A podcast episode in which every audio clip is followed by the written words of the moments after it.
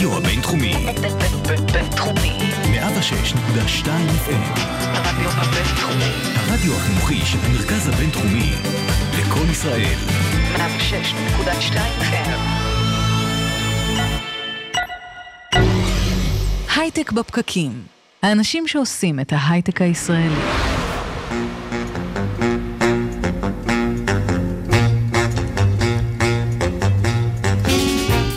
טוב, יום חמישי, 28 ביוני 2018, הייטק בפקקים.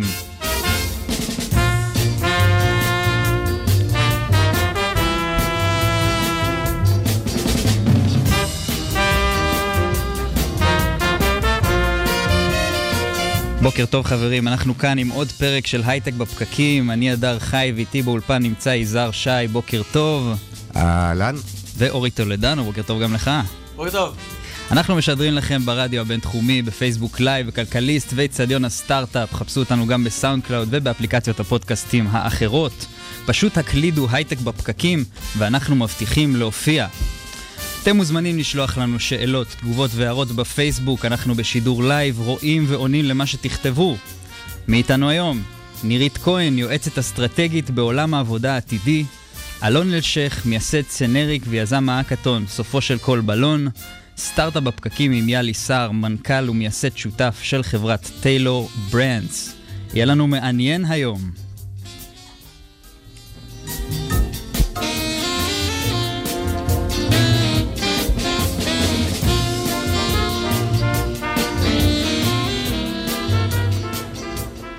ואנחנו פותחים את השידור עם חדשות השבוע. חדשות השבוע. יזהר, מה היה לנו השבוע? איך יצא לך יפה הג'ינגל, אה? מדהים. לגמרי, יצא בול במקום. אז הנה כמה חדשות שיצדיקו את הג'ינגל המקסים הזה. חדשה יפה שאנחנו נפתח בה, אאודי מסתייעת בקוגנטה הישראלית בפיתוחי רכב, קוגנטה חברה ישראלית בניהולו של דני עצמון. זה נחמד כי דני והאח שלו, אלון עצמון, כבר היו בעבר מעורבים בחברת סטארט-אפ בתחום הרכב, והם מכרו אותה ועכשיו הם שוב בשוק, עוזרים להרבה מאוד חברות סטארט-אפ ישראליות בתחום הרכבים האוטונומיים, שוק חם ולוהט בישראל. והנה החברה הזאת, קוגנטה, פיתחה פלטפורמה שמבצעת סימולציות של תנאי כביש אמיתיים עבור כלי נהיגה אוטונומית. זה מאפשר להאיץ מיזמים, יש איזה מין סברה שצריך לנהוג באופן וירטואלי, בסימולציות כמה וכמה מיליוני קילומטרים לפני שרכבים אוטונומיים באמת יעלו על הכבישים. וזה מה שקוגנטה עושה, היא מייצרת עולם וירטואלי עבור רכבים אוטונומיים, כך שהיצרנים... יכולים uh, לנהוג. לבדוק את כל הדברים uh, כמו שצריך, כל הקייסים שיכולים לקרות. כן, בדיוק. הסימולציה הזאת מאפשרת בעצם לחברה כמו אאודי לצבור ניסיון במרכאות או שלא בנהיגה, כשהם לא ממש נוהגים בכבישים, לא חלילה מסכנים את החיים של אף אחד, אלא נותנים לרכבים לנסוע בעולם. מדליק, לא? מדהים. וזה שיתוף פעולה חשוב. הנה חדשה קצת פחות משמחת. eBay ישראל. מפטרת עשרות עובדים, ידיעה בלעדית בכלכליסט השבוע, על פי הערכות. מרבית המפוטרים הם אנשי תוכן מגוף הפיתוח של החברה. eBay בישראל מעסיקה די הרבה עובדים, כ-300 ומשהו עובדים במרכז החברה בנתניה. יש להם מרכז פיתוח מאוד משמעותי פה, נכון? כן, ואתה יודע, זה גם מנוגד להצהרות שהחברה הצהירה כאן בתחילת השנה. לא, שהיא מגייסת הרבה כן, עובדים. הם הודיעו שהם מגייסים ויוסיפו 100 עובדים למרכז הפיתוח. היה סרטון מאוד יפה של המנכ"ל ירון, נכון? ירון, שם שלו? לא זוכר את השם שלו, אבל זה נכון. עשה סרטון כזה מגניב שמגייסים. ו... אז כבר לא כל כך מגייסים, אלא מפטרים, והחברה יובל, מסרה... יובל מטלון, כן. אוקיי, והחברה מסרה באופן רשמי, כחברה אנו מבצעים הערכות שוטפות ליוזמות העסקיות ולהשקעות שלנו, בכדי להמשיך להוביל את החברה להצלחה ארוכת טווח. בשלב זה אין לנו תגובה נוספת. הבנת את הקשר בין התגובה לבין הפיטורים? לא, האמת שלא. אני אקריא לך שוב, איך אתה לא מבין? החברה פיטרה אנשים, נכון? הנה התגובה. אנחנו מבצעים הערכות שוטפות ליוזמות העסקיות ולהשקעות שלנו בכדי להמשיך להוביל את החברה להצלחה ארוכת טווח. כנראה שפשוט התייעלות כלשהי. או שפשוט הם נתנו לרובוט דובר שלהם לענות על זה ולא התייחסו ל... ככה זה נשמע. כאן מהייטק בפרקים אנחנו עושים שלא אהבנו את התגובה הזאת. אפשר להגיד משהו על העובדים שעזבו, אפשר להגיד על סיבות, אבל הערכות שוטפות בחייכם. חבר'ה, תהיו רציניים. דרך אגב, נתן כאן בדרך היום סיפר לי על דבר שראינו, אמזון. יש לה דרך חדשה לפטר עובדים, לא על ידי רובוטים, היא נותנת שלוש אפשרויות, אתה זוכר מה הן? שיטת פיטורים מיוחדת, שיטת... או שאתה עולה לאיזה ועידה, או שאתה מחליט להתפטר, או שאתה מחליט להגיע לאיזה אה, אה, מין סב- סמינר כן, זה הולך- הכשרה כזה שאתה... זה הולך ככה, קודם כל מחליטים לפטר אותך, מזל טוב, אה, אתה מועמד לפיטורין, עכשיו מודיעים לך, ועכשיו יש לך שלוש אפשרויות. האחת היא לערער, גם מעניין את הסיבה, דרך אגב, ש... שמפטרים. בדרך כלל זה בגלל שהם לא עומדים בסטנדרט ביצועי כזה, זה מראה קצת על התרבות של החברה. כן, אז העובדים לא עומדים בסטנדרט ומחליטים לפטר אותם, אז קוראים נניח לעובדת, אומרים לה, ברוכה הבאה לוועדת הפיטורין שלך. בישראל, דרך אגב, גם יש תהליך כזה, נקרא שימוע על פי חוק, אבל באמזון, זה החוק של אמזון. אז יש uh, שימוע, uh, יש לך אפשרות לערער על ההחלטה, ואז אתה גם uh, יכול לדרוש review, כזה peer review, כלומר, חברים שלך לעבודה, במעין ועדה מיוחדת, יחליטו על עתידך, ייתנו לך ציונים ויקבעו את עתידך, זו אפשרות אחת. אפשרות שנייה היא לעשות פיבוט, כלומר, אתה, כמו שסטארט-אפ עושה פיבוט, גם בתור עובד או עובדת, אתה יכול... משנה לב- תפקיד בחברה. כן, משנה תפקיד, משנה מזל, אתה יכול להחליט שאתה עושה משהו אחר וכן הלאה. יש לך גם את האפשרות לקחת את הכסף, אם יש כזה פיצויים, וללכת הביתה, אני מניח שזו אחת מהאפשרויות. בכל מקרה, היא בישראל, שימו לב, אם אתם מפטרים אנשים, אולי תיתנו להם אולי לעשות יש פיבוט. שיטה, כן, לעשות כן. פיבוט. עוד uh, ידיעה לא כאן, אבל בהחלט משפיעה גם על uh, ישראל. רעידת אדמה באינטל העולמית. בשבוע שעבר, ממש אחרי השידור שלנו, כמה שעות לאחר מכן, התפטר מנכ"ל אינטל העולמית, בעקבות uh, גילויים על מערכת יחסים בינו לבין עובדת בחברה. היה לו קשר רומנטי ככל הנראה עם עובדת שכפופה לו, זה מנוגד למדיניות החברה. גם החוק יש לו מה להגיד בעניין הזה. הדירקטוריון של אינטל הודיע שהוא... מקבל את ההתפטרות של אה, בריאן קרזניץ, אה, מנהל אינטל, והוא מינה את סמנכ"ל הכספים למנכ"ל זמני של החברה. בזה לא נגמר הבלגן. בוב סואן הוא סמנכ"ל הכספים של אינטל, הוא הודיע אתמול לעובדים שהוא לא מעוניין בתפקיד הזה, הוא לא רוצה להמשיך להיות uh, מנכ"ל אינטל, והוא מסיר את עצמו מרשימת המועמדים. Uh, let the boys play, עכשיו יש שם uh, בלאגן, מחפשים מנכ"ל, המניה של אינטל נפלה בעשרה אחוזים תמימים מזמן ההודעה ועד uh, לאתמול בערב. וואו, רעידת אדמה. כן, עשרה אחוזים באינטל זה הרבה מאוד כסף, זה מיליארדי דולרים שירדו לטמיון, הרבה מאוד אנשים כועסים, גם עובדים שיש להם אופציות בחברה, גם uh, בעלי מניות בשוק ובכלל, מאוד לא נעים. נאחל להם שימצאו מנכ"ל במהרה. והכל אה, בגלל רומן אה, עם, אה, או- כאילו, זאת אומרת, אה, רומן כזה שמשנה... כן, אני חושב שהחדשות הטובות זה שלא לוקחים צ'אנסים ולא... אמ, יודע, לא מוותרים. בסופו של דבר יש אה, תקנות. דרך אגב, זה לא היה רומן בכפייה, ככל הנראה, זה לא, היו, אה, זה לא היה מקרה של הטרדה או משהו כזה, פשוט בניגוד לנהלים. אישה שכפופה לו, ניהלה איתו רומן. כן, זה אסור, מרות. והוא הולך הביתה. בזה נגמר העניין. אמ, ככה כ- לסיום, אדר, בכמה shout-outs, כמה אה, תזכורות לגיוסים נחמדים שקרו השבוע. חברת Codefresh גייסה 8 מיליון דולר, יש להם פלטפורמה לפריסה והקמה של תוכנה בסביבת קונטיינרים, זה איזשהו עולם של פיתוח וכולי. כל הכבוד להם. שלמה קרמר ו Norwest השקיעו 13 מיליון דולר. בחברה באיזה תחום תנחש? סייבר. סייבר, קוראים להם Cynet, יש להם פלטפורמה עם כלים להגנה מתקדמת על רשתות פנימיות של ארגונים. ועוד חברה בשם Preempt, גייסה 17.5 מיליון דולר, תנחש באיזה תחום הם נמצאים, אדר? לא יודע, תספר לי. הם נמצאים בתחום הסייבר, חברת אבטחת מידע בשם. Preempt. כל הכבוד למגייסים והרבה ברכות. עד כאן החדשות שלנו השבוע.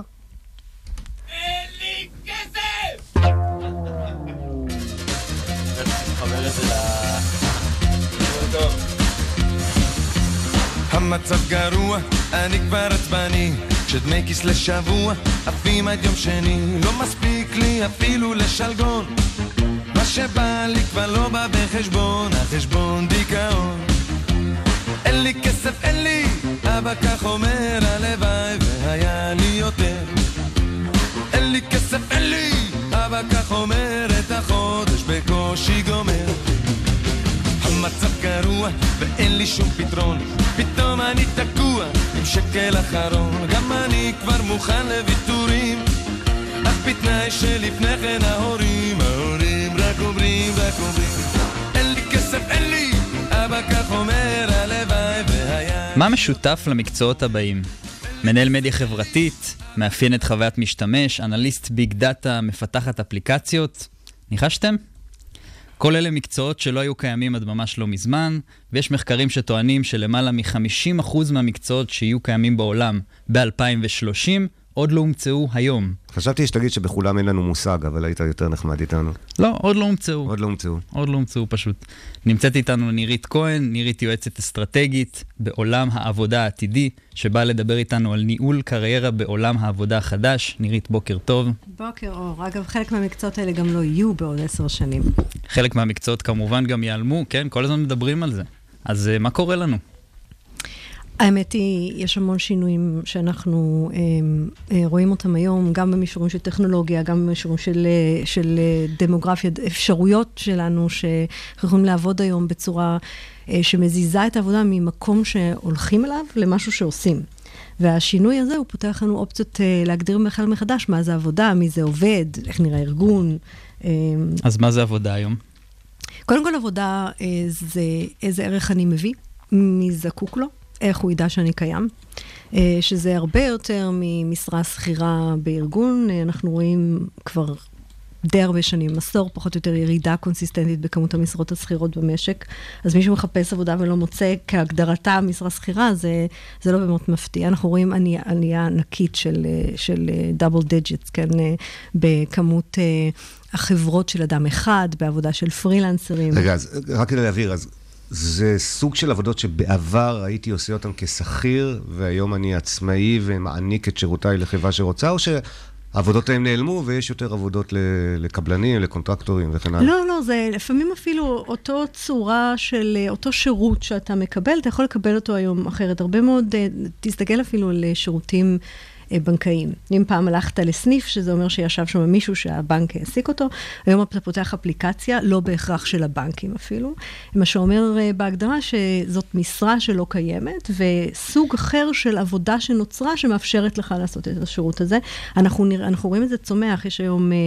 אה, אתר ענק למשל בעולם של המשפטים, שנותן דוקומנטציות משפטיות ללא צורך בכלל להתקשר עם עורך דין. אז עכשיו בואו נשאל את השאלה, זה משפטי או לא? יש שם משרות של עורכי דין מאחורה, או כן, שיש שם משהו אחר? כן, הייתה פה אפילו חברת סטארט-אפ שמאפשרת לך לבחון... חוזים ו- ומסמכים משפטיים באופן אוטומטי על ידי רובוטים. לוגיקס, כן. נכון, כן. נכון, נכון. תגידי, אני רוצה אבל לשאול אותך בכל זאת, בהקשר האנושי, ואני אני ותיק יחסית לחבר'ה שנמצאים בצד השני של השולחן כאן. זה בסדר, בשביל זה אני פה איתך. אוקיי, okay, אז אני עוד זוכר זמנים שבהם עובד היה מקבל עבודה והיה אומר, וואו, תודה למעביד שהעניק לי את היכולת לעבוד פה ואיזה כיף, אני, יש לי מקום עבודה ואני אקבל תלוש בסוף החודש.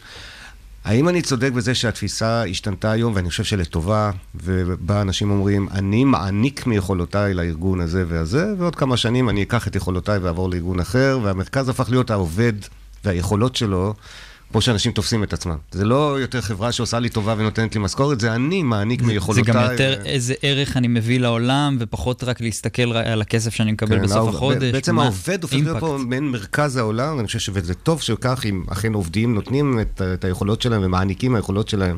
גם לחברות וגם לעולם. אז זה נכון שיש שינוי בתפיסה? אה, אה, אתה יודע, בוא נתחיל שנייה אחת ממסלול קריירה. הדור שלנו, החוזה שעשו איתנו פחות או יותר כזה, לכו תלמדו מקצוע טוב, לכו תעבדו בחברה טובה, איפשהו באמצע החיים, תהיו מנהלים או מומחים מקצועיים. תשייטו עד הפנסיה, תעשו חיים. ותעבדו 20 שנה באותו מקום, כן, כי זה נכון. זה, זה פחות או יותר היה החוזה, שום דבר בחוזה לא קיים יותר. אתה לא יכול להניח שאתה יכול לסיים את הללמוד מקצוע טוב ביחידות של שלוש וארבע שנים, עד סוף שנות ה-20 שלך. זאת אומרת, אין דבר כזה יותר תקופת חיים של ללמוד מקצוע טוב, שאחר כך תחזיק אותך 30-40 שנה של קריירה. ויש אנשים אבל שעדיין מרגישים ככה. זה, זה, זה בסדר, כי אנחנו, אגב, הדור שלי זה הדור המרומה, כי עכשיו פחות או יותר הייתי צריכה להיות בשלב של התשייטי עד הפנסיה תעשי חיים, ושינו לי את החוקים. אז, אה, אבל, אבל אה, זה, זה מה שיש. זאת אומרת, הנקודה היא שמאחר והמקצועות משתנים, וגם אם קוראים למקצוע אותו דבר, רכיבים מאוד מאוד גדולים ממנו, הם הופכים להיות... אה, אחרים וצורכים יכולות אחרות. יש אגב, פורסם ממש החודש במאי, בפעם הראשונה בארצות הברית, מדד שמראה שמספר המשרות הפתוחות לגיוס שווה למספר המובטלים. מה שאומר בהגדרה שיש פער יכולות בין מי שרוצה לחפש עבודה למי שדורש עבודה. מעניין. והפער הזה זה בדיוק המקום שבו אתה יכול להגיד, אני, יש לי מקצוע מסוים, אה, אבל אה, יש פתאום צרכים או דרישות מהמקצוע הזה שאין לך כי לא למדת אותם לפני 20 שנה. אז בעולם כזה, אנחנו מבינים שיציבות תעסוקתית מפסיקה לעבור מהמעסיק. ומתחילה להגיע מהיכולת שלי להישאר רלוונטי בשוק התעסוקה. אז מה צריך לעשות uh, כדי להישאר רלוונטי ולהבטיח את היציבות הזאת? כי יש באמת אנשים שאת יודעת, לא מעניין אותם לעבור uh, כל הזמן ולהתעסק כל הזמן בלשפר את עצמם, הם רוצים את היציבות, את הביטחון. קודם כל, אמ, לא מעניין אותם לשפר את עצמם. אולי, אבל אז יכול להיות להיות שהעבודה תזוז להם מתחת לרגליים והם ימצאו את עצמם, הם מאוד מומחים במשהו שאף אחד לא צריך יותר. זאת אומרת, זה הכרח של המציאות כבר, ולא... זה לא שאלה. לא כמו שפעם אתה יכולת להיות מומחה במשהו אחד ולהישאר עם זה. אתה יכול להיות מומחה במשהו אחד, ואתה אתה שם את עצמך במקום שבו אתה עשוי לגלות יום אחד שהמומחיות המאוד גדולה הזאת היא לא רלוונטית יותר. ולכן אנחנו צריכים קריירות בצורה של האותי. יש לנו רגל אה, עבה, היא צריכה להיות מספיק עבה כדי שאם דברים יזוזו, אנחנו, היא תהיה עדיין בתחום הרגל שלנו. אה, אבל אנחנו צריכים כנפיים שפרוסות לצדדים, להסתכל כל הזמן מה קורה בצדדים. תיקח, אה, בארץ יש תעשייה יפהפייה בתחום הטכנולוגיות לרכב אה, אוטונומי. אף אחד לא סיים שום אוניברסיטה בתור אה, מהנדס רכב אוטונומי. אין, אין דבר כזה נכון. בינתיים, עד שמישהו יאסוף קבוצת קורסים וישים לזה כותרת. אבל זה אנשים שעשו הסבה של יכולות וניסיון מעולמות אחרים לתוך התעשייה. וזה הכנפיים שצריך להסתכל שמאלה וימינה ולשאול מה עוד אני יודע לעשות, מי עוד צריך את היכולות והניסיון שצברתי, ואיך הוא קורא לזה היום. הכותרות הרבה פחות, הרבה פעמים משתנות. היום אנחנו יודעים ממחקרי שוק על מודעות בעיתון, ש-60% מהמודעות בעיתון הם בעצם אה, אותן דרישות. אז תתעלם רגע מהכותרת ותסתכל עליה למטה ותשאל איפה, מי צריך את היכולות והניסיון שאני אז יודע. אני רוצה באמת לקחת אותך לזה, כי את יועצת אה, אה, ומדברת על אסטרטגיה תעסוקתית. מה, מה הכוונה באסטרטגיה תעסוקתית? איך אה, בן אדם שמאזין לנו עכשיו יכול לתכנן לו את האסטרטגיה התעסוקתית שלו? תראה, העבודה מתפרקת בכל הרמות. היא, היא משנה את הקריירה של הפרט, היא משנה את ההגדרות של מה זה ארגון, את איך ארגון מקבל החלטות, ההיררכיות משתנות, אפילו הדרישות ממנהלים, והיא גם אה, משנה מערכות חברתיות, כן, מערכת החינוך, מערכת ההכשרה, מערכת ההשכלה. אה, וגם מערכת אה, יחסי עבודה, כי אפרופו לשאלתך אה, בנושא שכיר, אנחנו מקדשים את השכיר באשר הוא שכיר במערכת יחסי העבודה שלנו, ולא את העובד באשר הוא עובד. ואנחנו צריכים לאפשר... תסבירי את ההבדל. אתה היום, אם אתה עובד שכיר או עובד עצמאי, אתה, הביטחון התעסוקתי שלך מאוד שונה. ובעולם שבו אנשים עושים גם וגם, ונכנסים ויוצאים מצורות תעסוקה שונות, זה לא צריך להיות משנה. איך אני בוחר לייצר את התעסוקה שלי, אני יכולה להחליט שאני רוצה לעבוד איתך, ואנחנו יכולים לעשות את זה במתכונת שכיר, ואולי אנחנו יכולים לעשות את זה במתכונת פרילנסינג, או יחסים בין שתי ישויות, ולמה זה צריך לשנות משהו? 아, אז אני רוצה דווקא לשאול אותך בהקשר הזה, יכול להיות שהשינוי שאנחנו מדברים עליו, שהוא שינוי שכולנו חשים בו, הוא לא בהכרח לטובה, במובן הזה שזה הפך להיות די ציני, הקשרים בין שכיר לבין מקום העבודה שלו, לבין ספק שירותים, אדם עצמאי שמספק למקום עבודה. פעם נהוג היה לחשוב לפחות במקומות מסוימים שזה משפחה אחת גדולה, אני בא לעבודה שלי, ואחרי 30 שנה אני פורש ומקבל שעון זהב, וכולם נורא אוהבים אותי. אני חושב שגם עובדים וגם מעסיקים היום מאוד ציניים. זה כבר לא קיים יותר. הנה, הרגע דיברנו על פיטורים במקום עבודה שלפני חצי שנה הודיע שהוא מגייס מהעובדים, ועכשיו הם מפטרים מהעובדים. עובדים לא מרגישים יותר את הביטחון, ואולי אפילו מונעים מעצמם את הקשר הרגשי הזה עם מקום עבודה, זה כבר משהו שלא קיים יותר? אני חושבת ש... קודם כל צריך להבין שבמקום שבו עבודה היא לא מקום שאתה הולך אליו, אלא משהו שאתה עושה. ובמערכת שאנחנו ראינו שבעצם יש... אה, לא תמיד יש סיבה לעבוד במתכונת של פעם, של מבנה אה, ארגוני, של הרבה אנשים שעובדים תחת מעסיק. אנחנו רואים בנתונים אה, בעשור האחרון ממש צמיחה מינורית במשרות שכירות וצמיחה ענקית ב, בעסקים שעובדים כעסקים אחד עם השני. אז יציבות תעסוקתית, אנחנו יודעים היום שהיא מגיעה מאיתנו, ואם היא מגיעה מאיתנו, אני אשאל כל פעם מה יוצא לי מזה, על כל תפקיד חדש. אני רוצה לראות מנהל שמבין ומפתח את הקריירה שלי, ולא רק את מה שצריך לעשות עבור הארגון. אה, ואז מערכת היחסים עם הארגון היא מתחילה לעבור שינוי בדרישה שלה מהארגון. במקום שהארגון, אני מבקשת ממנו יציבות תעסוקתית, שגם אם הוא מבטיח לי, שנינו יודעים שהוא לא יקיים, אני מבקשת מהארגון שיפתח אותי.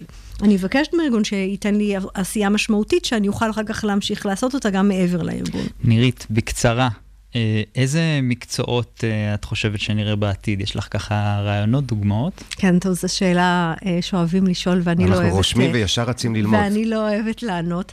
אה, אני לא, אני לא חושבת שהמציאו עדיין את השאלות שיצטרכו לשאול, שייתנו להם תשובות בעוד עשר שנים. אז אה, אני חושבת שהשאלה המעניינת היא לא איזה מקצועות, אלא מה אתה אוהב. אה, ואיך תוודא שאתה נשאר מעודכן בעולם הזה כל הזמן. מי שהולך ללמוד היום מקצוע כי ההורים שלו אמרו לו, ברגע שהוא יעשה וי על המקצוע, הוא הולך לעשות דברים אחרים. ואז המקצוע הופך להיות לא רלוונטי. אגב, מאוד רלוונטי ללמוד, כי מה שאנחנו לומדים זה ללמוד ללמוד, וללמוד אתה צריך כל החיים. אבל אם אתה הולך ללמוד משהו שאתה אוהב, אז אתה יודע שביום שתפס- ש- שתסיים את הלימודים ועשית וי על התואר, אתה תמשיך ללכת למיטאפים, לקרוא למאמרים, לכנסים, תישאר אה, מעודכן ורלוונטי, ואז תוכל להישאר, אה, אה, לה- להזיז את עצמך לאן שצריך במהלך קריירה.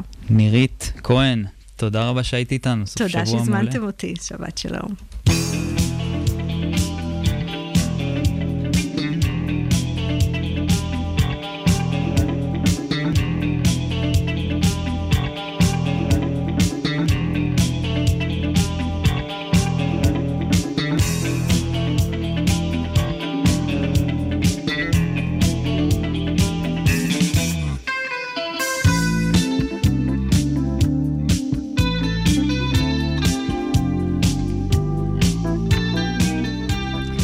עולם התעסוקה משתנה לנו מרתק, לא? לגמרי. אתם רוצים לדבר על זה עוד? חפצים.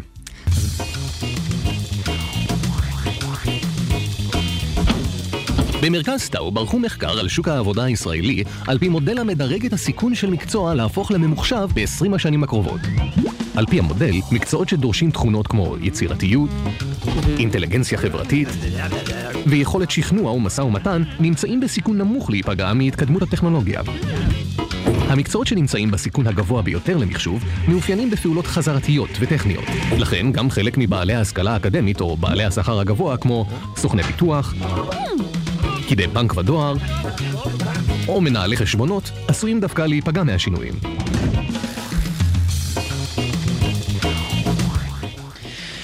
יזהר, זה אני. שאלה לי אליך, במה אדוני עוסק? ומה עוד אתה עוסק? במה אתה עוסק? בכל מיני דברים אה, מעניינים. אדוני, לא עוד אני. במה אדוני עוסק? זה היה... אה, אתה משקיע VC בגדול, נכון? אני, כן, בעולם ההון סיכון, כן. ואני זוכר שהתראיין אצלנו סטארט-אפ פה, שאמר שהם פיתחו אלגוריתם שעוזר לקבל אה, החלטות בעזרת AI. בכל התחום של VC, וזה הגיוני, כי אנחנו נורא גרועים בקבלת החלטות. אז גם הסכנה, העבודה שלך בסכנה. מודה בצניעות שהעבודה שלי בסכנה, ללא ספק. אדר, במה אדוני עוסק? בשיווק. בשיווק. אה, שיווק? אונליין, כל הוא פשוט מיני... התחיל באדוני הזה, ואני כבר באמת... קרה משהו שאתה רוצה לדבר עליו הבוקר, אני, אורי? בעיקרון אנחנו מפטרים את שניכם. זהו. זה... יש לנו בגלל מקום זה לפיבוט? אה, זכות לפיבוט, אני מבקש את הזכות. אז אה, אדר, אתה יודע. למה פיבוט, אדר? כי אם אנחנו, אם אנחנו נבקש peer review, נבקש שהחברים שלנו פה יבחנו את רמת העבודה שלנו, אני לא בטוח שזה יותר טוב מפיבוט. נלך על פיבוט.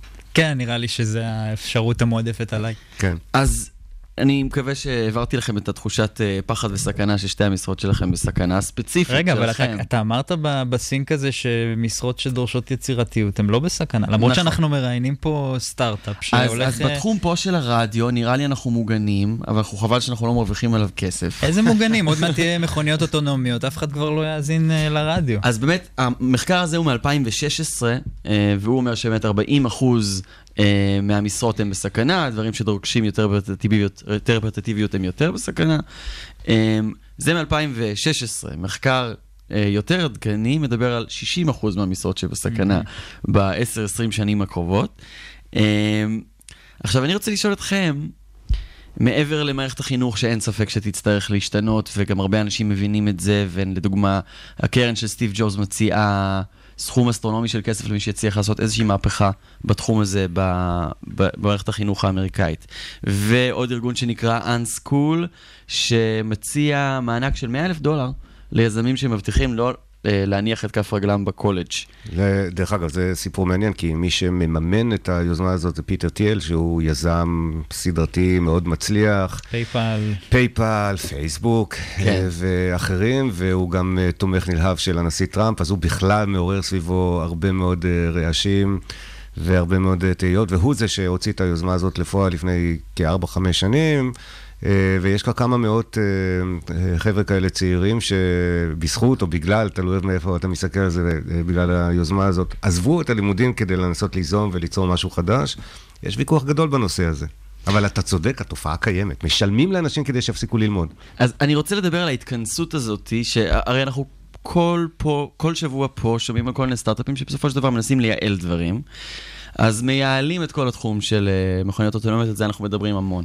אבל עוד משרות פחות ברורות, כמו חקלאות ובנייה, אה, דברים שתופסים אחוזים מאוד גבוהים ממשק העבודה, הם הולכים להיעלם, וכמובן, כמו שנירית אמרה, גם יצוצו פה משרות חדשות שאנחנו אפילו לא מצליחים לחשוב עליהן עדיין. בסוף הכל יהיה כל כך יעיל, שאף אחד לא יצטרך לעבוד בכלל. וזה בדיוק הסיטואציה שאני רוצה לדבר עליה.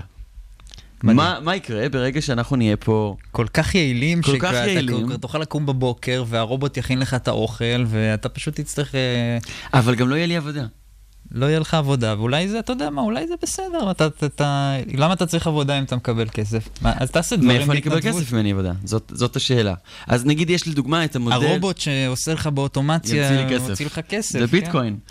ויש כל מיני אה, מחקרי עבר, לא מחקרים, אלא מאמרי עבר שמביאים מובאות מתחילת המהפכה התעשייתית. המכונות איימו להחליף אנשים, וקמו הרבה חששות שלא תהיה עבודה. לא, אנשים לא, יהיו, לא ימצאו לעצמם פרנסה, כי המכונות יחליפו אותם.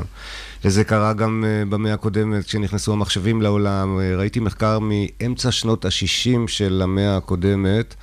שגם דיבר על אה, מאות אלפי משרות בארצות הברית שהולכות אה, ללכת לאובדון בגלל תחילתו של עידן המחשוב, והמחשבים יחליפו, ומה יהיה ומה יקרה. והנה אנחנו 50 שנה לאחר מכן, והעולם שוב חרד מאובדן אה, העבודה. אה, משהו, משהו מרגיש לי שהפעם זה שונה. שהפעם ההתכנסות הזאת היא של אה, באמת כל כך הרבה מקצועות מכל כך הרבה תחומים, ו-AI שבאמת יכול להחליף המון תחומים, שזה זה אולי קצת יותר דרמטי הפעם, וצריך להתייחס לזה ביותר רצינות. ולדבר אולי על, אה, לדוגמה, בנורבגיה עשו ניסוי. אז אחת, אחת המחשבות שברגע שאנחנו, שאנחנו נהיה כל כך יעילים, אז הממשלה תוכל לחלק כסף לאזרחים שלה. נכון. אז, אז למה זה רע בעצם? לא, זה, זה דבר נהדר, הייתי שמח לקבל כסף יכול להיות בלי שזה לעשות טוב. כלום. זאת אומרת, לא. העולם פעם כולם במהפכה החקלאית, כולם היו רק אה, עובדים את האדמה, וכמה אנשים היו סופרים ו- ואנשי תרבות ואנשי רוח. היום אנחנו רובנו לא עובדים את האדמה. אולי אה, בהמשך זה עוד יותר יהיה יותר יעיל ויותר טוב, שבסוף... אז תראה רגע, תופעות מקרו. בערך 100 שנה מהיום אנשים יחיו לפחות עד גיל 120. להגיד למישהו עד 120 זאת תהיה קללה, לא ברכה. ואז אז אנשים חיים המון זמן. דבר שזו שני- בעיה בפני זו עצמה. בעיה בעצמה. דבר שני, המכונות עושות רבות מהעבודות שאותן אנחנו עושים היום. תוצאה, אנשים חיים, משועממים. לא צריכים לעבוד, ויכול להיות שאפילו מתפרנסים, זה נראה לי פתח לתקלות לא קטנות. כמו בני חדרי אנוש, בריחה וכל מיני דברים יובל-. בני אנוש יובל משועממים, בני אנוש משועממים זה דבר נורא, זה מלחמות. זה מאבקים חברתיים הרבה. כן. אני כן. מכניס פה גם את אה, מה שיובל נוח הררי מדמיין לגבי העתיד, לא לא מדמיין, חוזה לגבי העתיד, שבעתיד אנחנו בכלל לא נהיה אותם יצורים כמו שאנחנו עכשיו, אלא נהיה שילוב של אדם וסייבורג כזה עם כל מיני אה, חלקים. הוא טוען אגב, שכבר אני היום... אעבוד? במה אני אעבוד אבל? מי ייתן לי כסף? כסף? גם- בתור סייבורג אנחנו נאהב אותך, תאמין לי. אתה תהיה בסדר. אתה תהיה סייבורג יפה. אתה תעשה לנו מוזיקה טובה.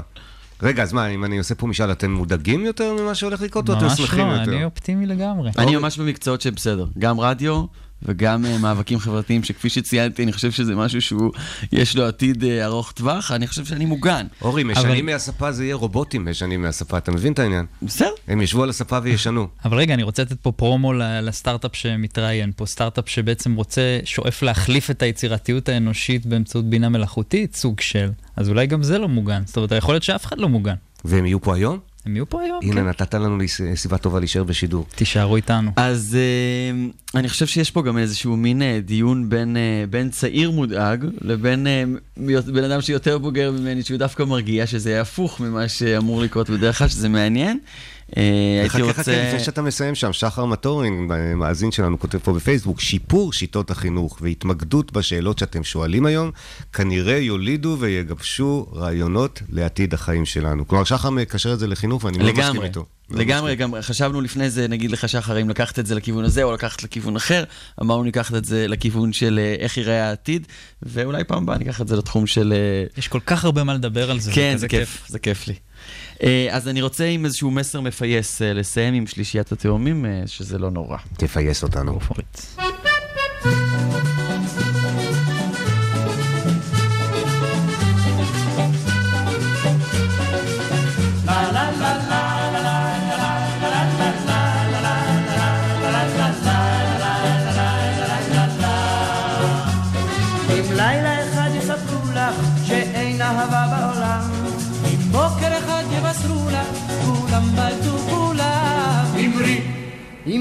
שזה לא יכול להיות, אמרי שאת ממשיכה עוד לחיות, אמרי שזה לא נורא. זה לא נורא, לא, לא, לא, לא, זה לא נורא, לא, לא, לא, לא, זה לא נורא, לא, לא, לא, לא, זה לא נורא. זה לא נורא, לא, לא, לא, לא, זה לא נורא, לא, לא, לא, לא, זה לא נורא, לא, לא, לא, לא, זה לא נורא. בוקר אחד יבשרו לה שכל העולם כבר נשמט.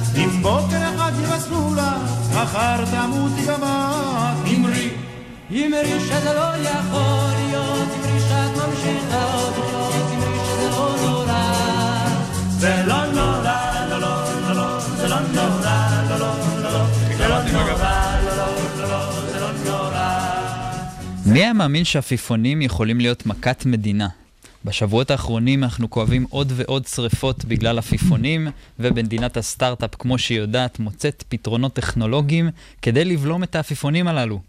נמצא איתנו כאן אלון אלשיך, יזם המיני האקתון, סופו של כל בלון. ציטוט שבטח חלקכם זוכרים מספר הילדים מעשה בחמישה בלונים, שזה מעניין כי גם לילד מהסיפור קראו אלון, ועוד מעט נראה אם הוא אותו, אותו אלון המקורי.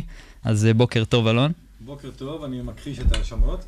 הופה רגע, בוא נפתח לך את המיקרופון, שומע אותנו? תמיד יותר טוב במיקרופון פתוח, תמיד זה עדיף. אוקיי, אז בוקר אני. מכחיש את ההאשמות, בוקר טוב, זה לא אני מהסיפור. אוי אוי אוי. הצלחתם לפתור את אה, בעיית עפיפוני התבערה? לא הצלחנו, אבל אנחנו מאוד מאוד בדרך. אה, אני רק אגיד שנייה מי זה אנחנו, כי בגלל כל הסיפור וזה אפשר להתבלבל ולחשוב שזה רק אני עשיתי את כל הדבר המדהים הזה. הנה נכנס אה, יזם צנוע לאולפן, ראית? מדהים.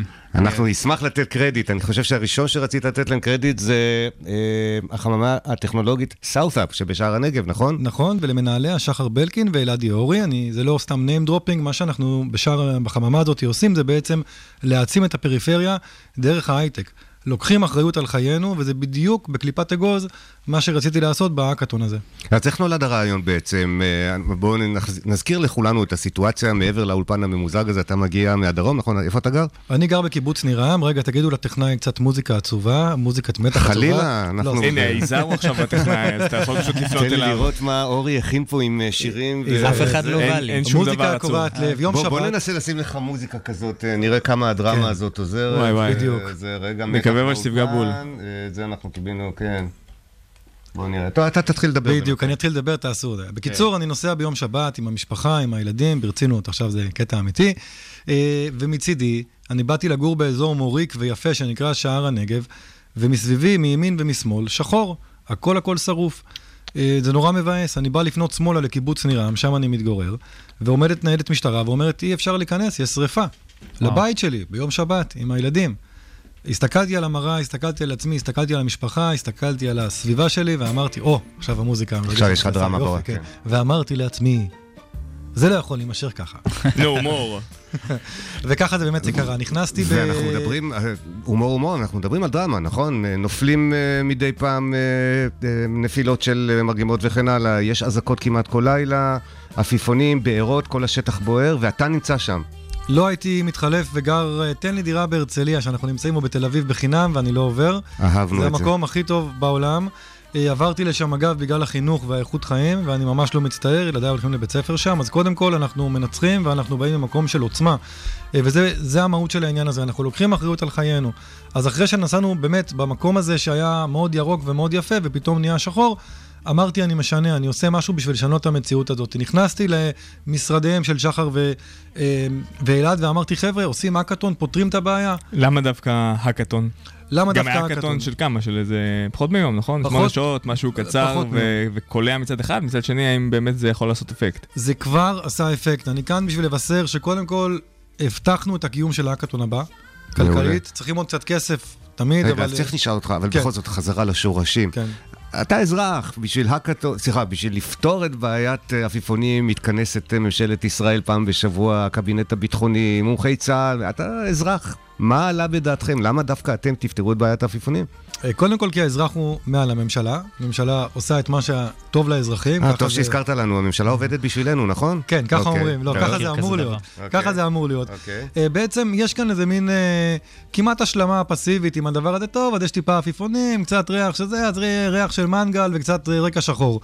אה, זה לא מקובל. אה, לא עליי ולא על האחרים. ומה שאמרנו, במקום לצקצק ולהגיד, אוי, הממשלה לא עושה, ומה יהיה, ואין אופק ולא יודע מה, לקחנו את גורלנו בידינו, קיבצנו מוחות יהודיים, ישראלים, מבריקים, אה, של אומת ה start-up nation. מאיפה האנשים הבאנו- האלה הגיעו? אנשים אנש- מתעשיות, יזמים פרטיים? אנשים שהגיעו, קודם אנשים כל... שגרים גם בעוטף? אנשים, אה, זה לא היה מובהק בכלל אה, לגבי מגורים בעוטף, להפך, הגיעו 350 איש, אחרי שסגרנו את ההרשמה ב-300, אנחנו לא יודעים. איך הם הגיעו, לא יודעים איך הם הגיעו באמת. כולנו והם הגיעו קיבלנו הודעות. בוואטסאפ. בדיוק, בוואטסאפ. ועשינו הרבה עבודה עם ה-SMSים, חלק מזה גם עם הכלי של הסטארט-אפ שלי, וחלק מזה בפייסבוק, ובלי מימון, בלי כלום, פשוט באמת קומנדו גרילה. האמת שקיבלתי הרבה הודעות בוואטסאפ מהדבר הזה, כנראה שזה היה חלק מהעניין. זה לגמרי היה חלק מהעניין, אני גם לא אקח פה, זאת אומרת, היה כאן אה, זיהוי של טיימינג, אוקיי? והתנפלות מצידנו על הסיפור הזה בצורה מאוד מאוד נחושה, ומין אה, התאמה אה, קוסמית נקרא לזה, ובאמת אה, הגיעו 350 איש, שמתוכם 20-30 אה, מומחים. הם עברו בין הקבוצות, זה היה מובנה, הם עזרו להם, מומחים לפיזיקה, לאלקטרואופטיקה, ללייזר, איזה, לדברים איזה מהסוג הזה. פתרונות אה, מצאתם? מצאנו, יש יותר מ-20 קבוצות, היו יותר מ-20 קבוצות, הפתרונות מתחלקים לפתרונות טכנולוגיים, פתרונות יותר רכים, פתרונות אחרים, אני אספר פה על כמה, תעצרו אותי במגבלות הזמן, אבל לדוגמה הגיעה חברה מהצפון שקוראים לה משק הרב, בוא 76. נוודא, מותר לך לדבר על זה, אין פה שדות צבאיים בינתיים. אז זהו, אני קודם כל, תודה שלא ש- יסגרו לנו את האולפן. תודה שהזכרת לי. אני חושב שאחד ההישגים שקל להגיד אותם זה שחלק מהפתרונות אה, ביקשו מאיתנו, מערכות הביטחון, לא לציין. לא להזכיר אותם, אז... כבר אומר שעלו פתרונות זה אומר- יפים. זה אומר כן. שעליתם על דברים טובים. כן, אז וגם... ספר על מה שכן מותר, תן דוגמה של משהו שמותר אז לדבר כן, עליו. אז דוגמה, אה, חבורה שנקראת משק 76, שביום יום עושים אה, עבודה מצוינת של צילום מרחפנים וזיהוי בעזרת AI ומראייה ממוחשבת של נגיד פלפלים או תותים רקובים בשדה. המירו בשלושה ימים מיום שני שהודענו על האקתון עד יום חמישי, לימדו בלמידה עמוקה את המערכת שלהם לזהות עפיפונים. והגיעו לאקתון בעצם עם מוצר כמעט גמור שיודע לזהות עם מצלמה ביתית עד אלף עפיפונים בו זמנית, שזה דבר מדהים. היום אנחנו לומדים על העפיפונים מהעשן, כאילו אחרי שהם נפלו. זה מדהים, לקחת טכנולוגיה קיימת ש...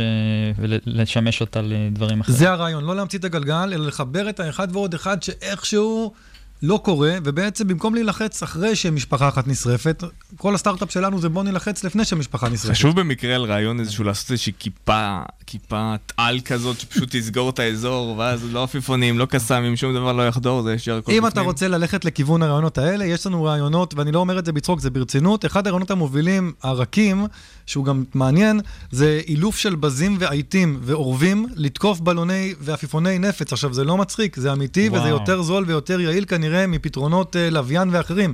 אחד הדברים היו, כמו שהילדים הולכים מכות, אז בלון נגד בלון. לא להביא עכשיו את uh, לוויין עמוס שלוש, שיראה, לא יודע, בקרני לייזר עקומות שיגיעו ויפגעו, אלא כן, לנצח. בארץ נהדרת ירדו על זה חזק. אה, הראינו את הקטע הזה בהתחלה של האקתון, כי באמת, אה, מה שנקרא, אה, הומור תמיד יציל אותנו, זו גם תכונה מאוד יהודית ומאוד טובה. אה, צחקנו הרבה, וחלק מהרעיונות יכול להיות שהיו על גבול ה... הביזאר. אה, אה, אתה אמרת, את המעניינים אני אגיד, ו... אבל באמת, היו שם אנשים שנתנו ולידציה, זה לא, זה לא בצחוק, זה לא בכאילו.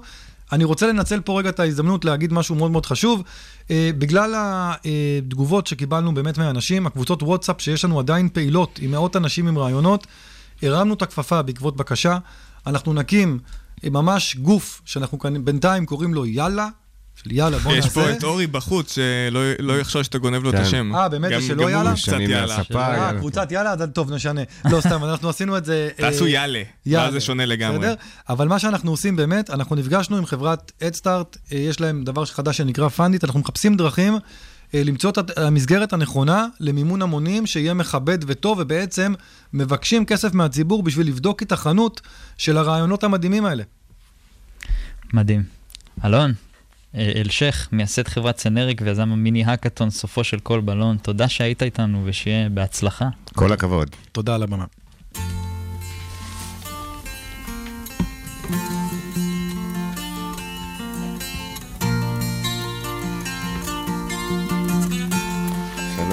רגע, אלון, תן לי יד. אה.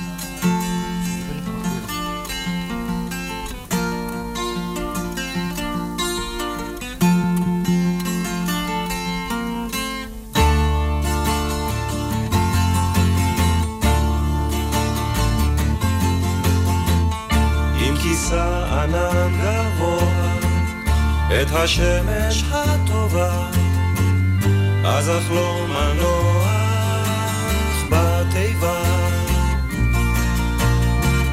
על יונה קטנה עיקשת, החותרת אל החור, עם עלה הזית הרטוב.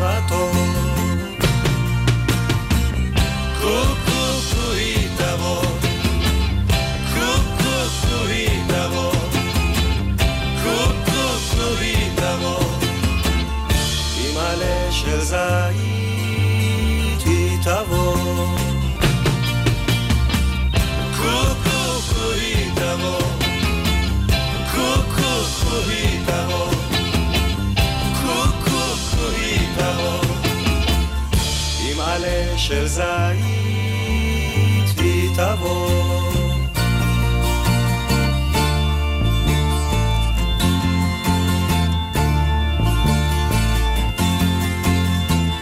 ארוכה מאוד הדרך, אין יודע את סופה, אז שנית אראנה במעופה. רק ברחובות אני פוסע, בין עיניים כה טובות. בואו נגיד קצת אה, בוקר טוב למרואיינים שלנו. כן, למ- כן, תגיד להם. למאזינים שלנו. למלי ניב, בוקר טוב. לשלמה שי, שי אה, קכט, או שלמה יש לך שם.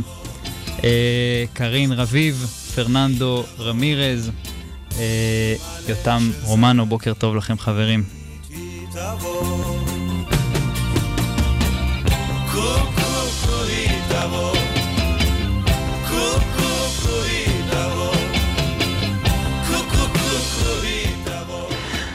האם רובוטים יכולים להחליף את היצירתיות האנושית? אנחנו בפינת אה, סטארט-אפ בפקקים עם יאלי סער, מנכ"ל ומייסד טיילור ברנדס, שמייצרת לוגוים ומותגים באמצעות בינה מלאכותית. אז אה, יאלי, אני מפנה את השאלה הזאת אליך. לפני שאתה מפנה, אפשר להבהיר לך? אה, כן. הנה, זה ככה. ג'ינגל. סטארט-אפ ברח בפקקים. לי. יאלי, האם רובוטים יכולים להחליף את היצירתיות האנושית, כן או לא? בוקר טוב. אמ, להחליף. הם יכולים אה, לתרום, אני לא חושב שאני מאוד מסכים עם, ה- אה, עם האמירה הקודמת שכל מהפכה תעשייתית בסוף אה, מולידה מקצועות חדשים. אני חושב שהמקצועות הקריאטיביים השתנו. אבל אה, כל ההנחות האלה של אנשים בנוגע ל-future of the workplace, והעובדה שרוב האוטומציה תקרה במקצועות רפטטיביים, זה כי אנחנו עדיין לא חונכנו להסתכל על דברים כמו יצירתיות אה, ממקומות של אה, מבנים. גם בדברים האלה יש מבנים, גם שם יש פאטרנים, אה, ואני לא חושב שיש בעיה ללמד אה, תוכנה, לעצב, לכתוב קופי, או לעשות כל דבר אחר קריאטיבי. אז איפה הגבול? איפה זה הופך להיות כבר רק, אה, רק בן אדם ולא לא רובוט? תן, תן לנו תקווה. איפה הגורם האנושי? אמ, למרות שאין תקווה, אבל בסדר. אני חושב שהגורם האנושי כל פעם ישתנה ויימתח. אם אנחנו מסתכלים למשל על קריאטיביות, כן? מה זה קריאטיביות, at the end of the day? Um, כל דבר קריאטיבי אפשר בסוף לפרק לאיזושהי משוואה ליניארית בין נעלמים, אוקיי? כשאני יוצר design למשהו, בסוף הוא מורכב מ typeface, מ-structure מסוים, מאייקון, ואז אנחנו אומרים, אוקיי, נכון, כל המודלים האלה, אבל בסוף יש את הדבר האנושי הזה, נכון? יש את הדבר הזה שעולה לי בראש. הדבר הזה שעולה לך בראש הוא טעות. כלומר, מי, מי, מי פה מנגן על אה, כלי נגינה? אני ניגנתי בעברי. מודה באשמה, בעבר. נהדר. על מה? לא אספר לך. חצוצרה? סקסופון. הגעתי על פסנתר ועל אקורדיאון. מה אתה אומר? הופה. כן, כן. באמת מפתיע, הייתי בטוח אה, איזה טוף או משהו כזה. הייטק ונוסטלגיה. אז uh, אם הייתי נותן פה יצירה קלאסית למישהו מכם לנגן, זה משוואה ליניארית. בסוף האינטרוולים בין התווים הם spaced perfectly. ואז אחד מכם חוזר הביתה יום אחד, והוא שתה יותר מדי, או קצת עייף, והוא מפספס תו. הוא עשה טעות. אם מספיק אנשים אוהבים את הטעות שעשיתם... זו יצירת אומנות. כך נולד הג'אז. בדיוק. יפה. ואם אתה מלמד בסוף תוכנה לעשות טעויות, ולעשות על זה testing למספיק אנשים, ולראות איזה טעויות אנשים אוהבים ואיזה לא, אתה יכול ללמד אותה patterns of evolution בתוך מבנים קריאטיביים. מדהים. אז uh, את הטעויות האלה אתם בעצם uh, מייצרים בצורה כלשהי? איך זה, איך זה עובד? Uh, אז היום הפלטפורמה של טיילור ברנדס, uh, יש לנו מעל uh, חצי מיליון uh, עסקים שנכנסים uh, לשחק איתה כל uh, חודש. Uh, יש היום מעל לשישה מיליון עסקים שמשתמשים בפלטפורמה. Um, והם נכנסים ומעצבים לוגו או מייצרים פוסט, התוכנה גם מנהלת לאנשים את העמודי פייסבוק וכו'. Um, ואז אתה, היא שואלת אותך כל מיני שאלות, ומתוך השאלות האלה, היא כמו מעצבת, uh, בונה לך לוגו.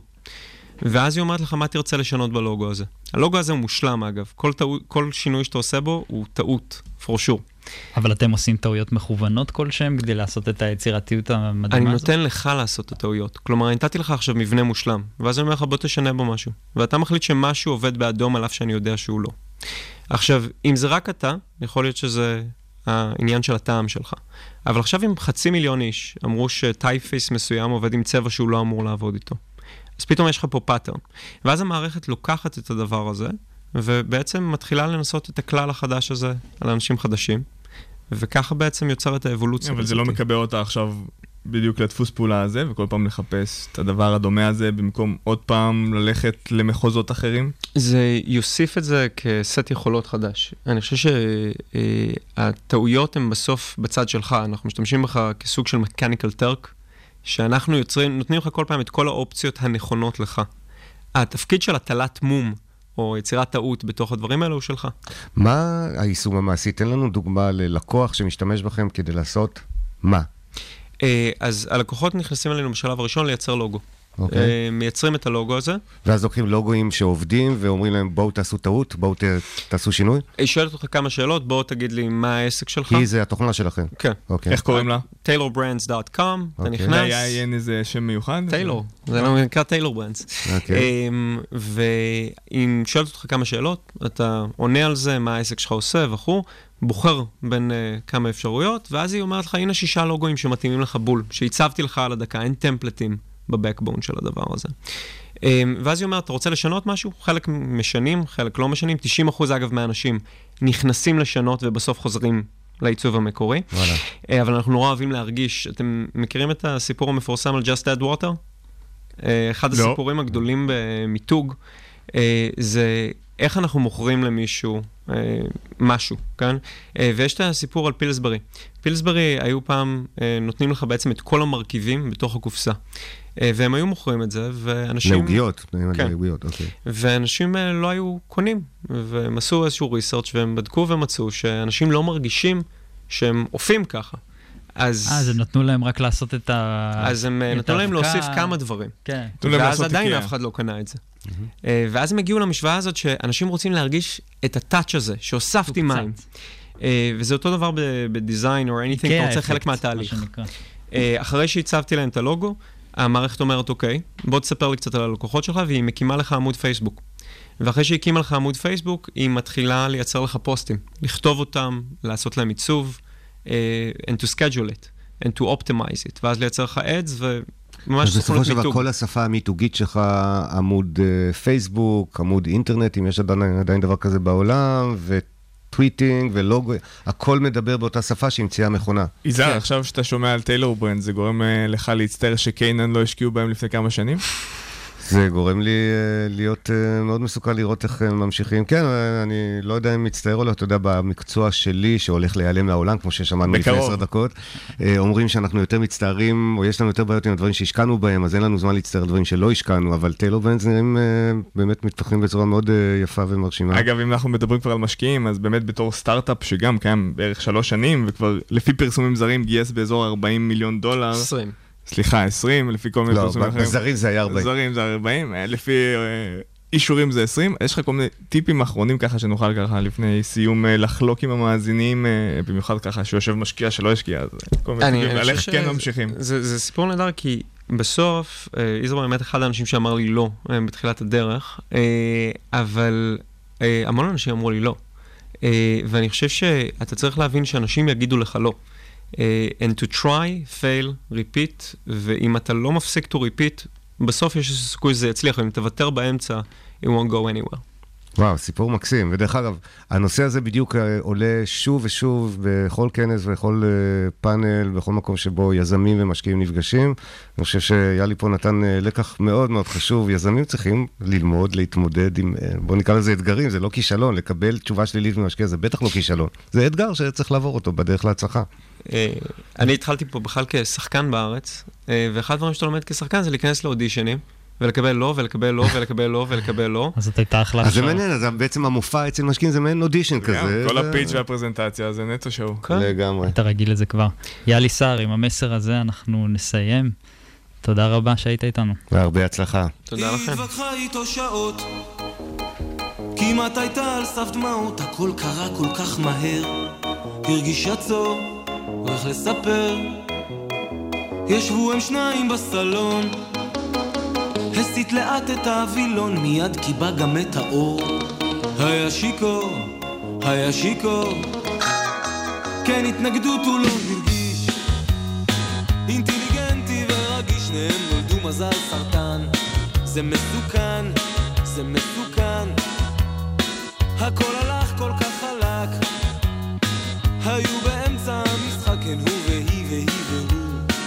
ללי ללי, ללי ללו היא אמרה תמצא מוצא אני רוצה אותך היא אמרה תמצא מוצא אני רוצה אותך הוא נאלץ להשתדל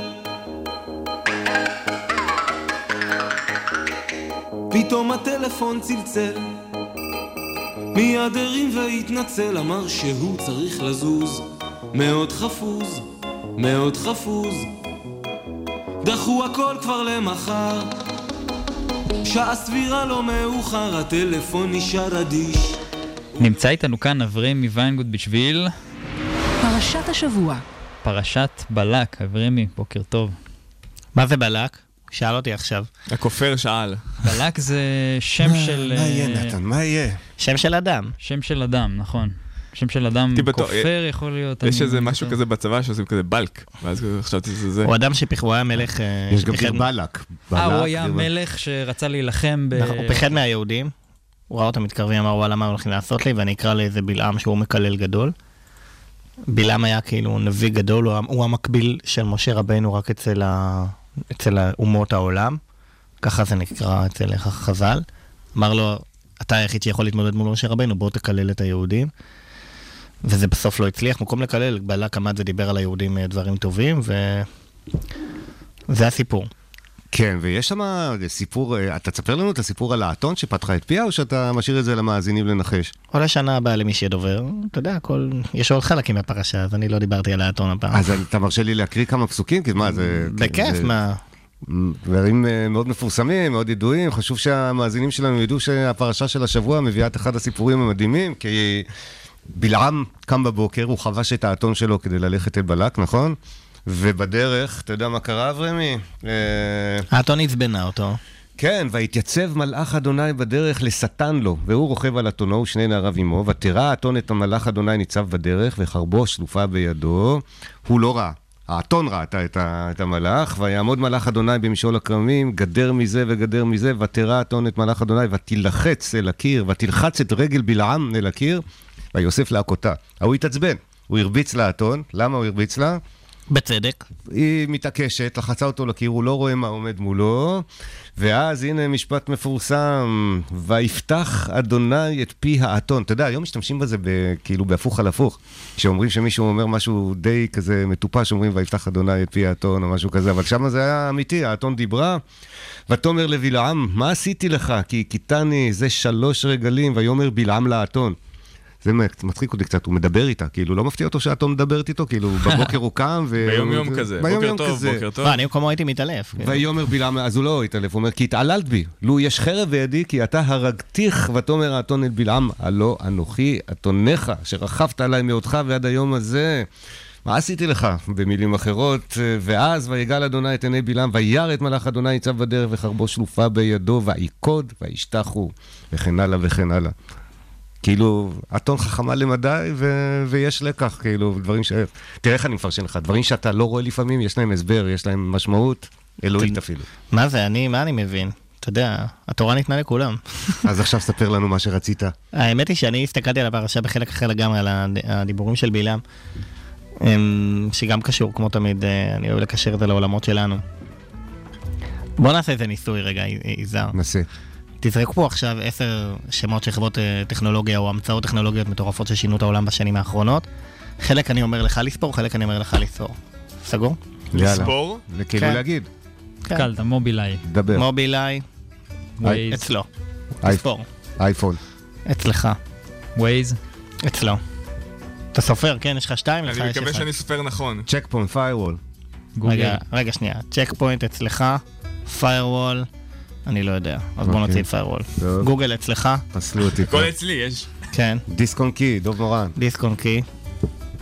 אה, טפטפות, לא, כאילו... טפטפות. אה, המצאות אחד, מפורסמות בעולם. מה? גיוון אימג'ינג.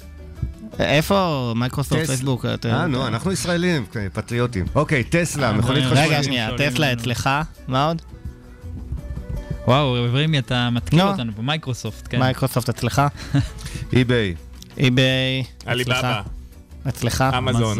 אצלך, תגיד, מה, אצלו אצלי, לא, יש פה קיפוח. רגע, סקייפ, סקייפ אצלך, רגע, אנחנו מתקרבים לסיום, אז בואו נגיע לפואנטה. וואטסאפ, אצלך? והלקח הוא? יהודים, כמה יש לך? שבע. כמה יש לך? שלוש. שלוש. שלוש, אוקיי. באמת? אין מצב. שבע יהודים, שלוש אה, לא יהודים. מה ההסבר? מה ההסבר? ואם אנחנו באמת נתחיל לחפור, נג- נגלה שזה כנראה יותר יש משבע. הרבה יהודים בעולם. Mm, באמת, אנחנו, כמה אנחנו? שתיים וחצי אנשים. אז יש הרבה מנסים, שמנסים להסביר את הסיפור הזה, אבל uh, פשוט בל, בלעם נתן הסבר לדבר הזה. וההסבר הזה, כל אחד כמובן מסתכל עליו בצורה אחרת, אני רואה שיש לי עוד כמה שניות בודדות, נכון? אז הוא אמר, אה, אין עם לבדד ישכון, אה, ובגויים לא יתחשב, מי מנה עפר יעקב ומספר את רובע ישראל. כלומר, למרות המיעוט, הוא יש אומר- עדיין השפעה ענקית. לא למרות המיעוט, אלא בגלל המיעוט. אה, בגלל שאנחנו דווקא. בגלל. הוא אומר, היהודים הם תמיד בעפר, הם נמוכים. כל הכבוד. אברהמי, אז נתת לנו תקווה הבוקר. אנחנו מעטים, אבל בגלל זה אנחנו נכון. חזקים וממציאים. היה איזה אחד שאמר, לא עוד עם לבדד ישכון, אנחנו כבר נהיה כמו כל הגויים. לא, אדוני, אתה לוקח את היתרון התחרותי שלך. נמשיך להגן על היתרון התחרותי. מקסים, אברהמי. אברמי, תודה רבה. אנחנו מתקרבים לסיום, תודה רבה לנתן לבזון, יזהר שי, שהייתם איתי באולפן. תודה רבה לאורי טולדנו, לרועי קליק, לשקד דמבו וסיון קלר, מפיקים של התוכנית. תודה לכלכליסט ולרדיו הבינתחומי על שיתוף הפעולה. תודה לכם שהאזנתם לנו בפקקים, במשרד או בבית.